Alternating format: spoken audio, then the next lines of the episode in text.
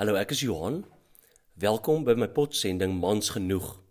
Dit is episode 25 en die tema waaroor ek gesels is die begeerte om in God geborge of weggesteek te wees. Nou op 'n stadium was daar 'n program, ek dink was op RSG gewees, Nikki sê wie.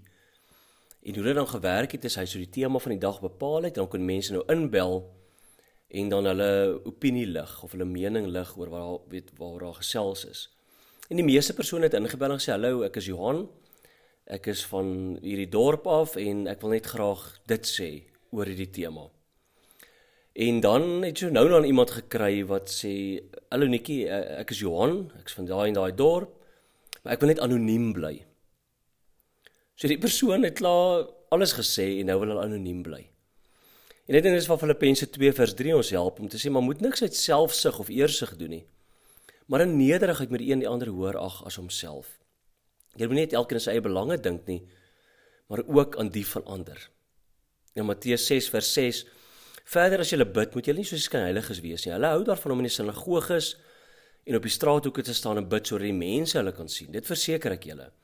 Hulle het hulle beloning klaar weg. Nee, As jy bid, gaan na jou kamer toe, maak die deur toe en bid tot jou Vader wat jy nie kan sien nie. Jou Vader wat sien en wat verborge is, sal jou beloon. Nou net uh, belangrik is die feit dat mense anoniem wil wees. Ehm um, is nie omdat jy introvert is of omdat jy skaam is nie. Dit gaan daaroor dat ek in my verborgenheid of in my geheimhouding wil ek graag die beeld van Christus anoniem reflekteer. En oor Jesus het 'n waardering vir geheimhouding gehad, en so het meer as een keer vir mense gesê om nie oor hom te gaan praat nie. Hy het 'n mooi ding gedoen, 'n goeie daad gedoen of 'n opinie gelewer, maar dan het hy vir mense gesê, hoorie, maar moenie vir die mense gesê dit was ek gewees nie. En ek dink dan gaan daaroor dat dat baie dade wat ons doen, doen ons om erkenning te kry. En dit gaan eintlik maar oor ons. So daardie persoon wat sê, weet jy man, ek wil anoniem bly, Maar ek het klaar my naam gesê en ek het klaar alles gesê wat ek moes gesê het. Dit gaan eintlik maar oor jou. En en die uitdaging is om om 'n is om 'n goeie ding te gaan doen waar jy niks kry nie. En ek dink dis hoekom Jesus gevoel het maar hy was vry. Hy het vrylik gegee. Hy het niks terug verwag nie. Hy het nie verwag dat mense oor hom moet praat nie. Hy het vir die gehoor van een, God die Vader, gedoen wat hy gedoen het. So om geheimhouding erken jy eintlik dat nie alle dade publiek publieke erkenning hoef te kry nie. En dis baie keer 'n manier om om 'n geskinder of 'n gerug die nek in te slaan en en want want dit skep veilige spasies as, as jy nie oor alles hoef te praat wat jy doen nie. Skep dit veilige spasies waarbinne mense vrylik en sonder enige vrees of ongemak hulle self kan wees.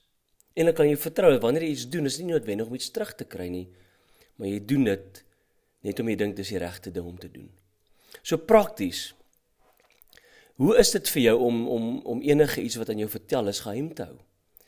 Gedink bietjie aan wat mense vir jou afgelope week vertel het en en voel net maar okay, ek gaan nie vir my man of vrou hiervan vertel nie. Ek wil dit nou net geheim hou vir ruk en jy gaan kyk net hoe is dit vir jou? Maar dis iets van daai geheimhouding, iets van daai verborgenheid. Hoe is dit vir jou om in 'n gebed te hoor hoe dat daar oor mense geskinder word?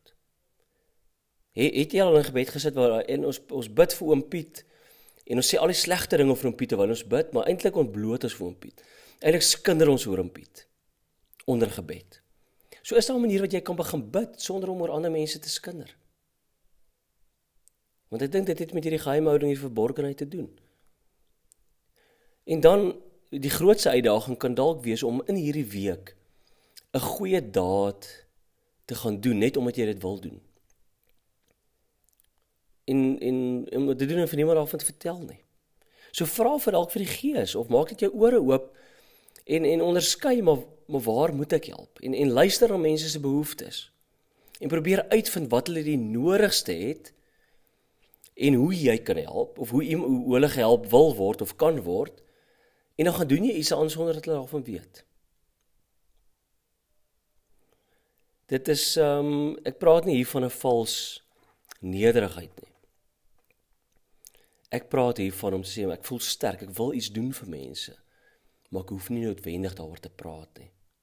Ek wil graag 'n opinie lewer wanneer iemand iets met my deel, maar ek bly stil sodat hulle veilig kan voel en nog meer kan praat. Onthou, wees mans genoeg om gewoontes aan te leer waar jy nie erkenning najaag nie.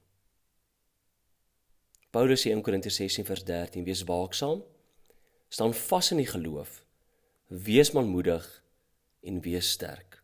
Mooi week vir jou.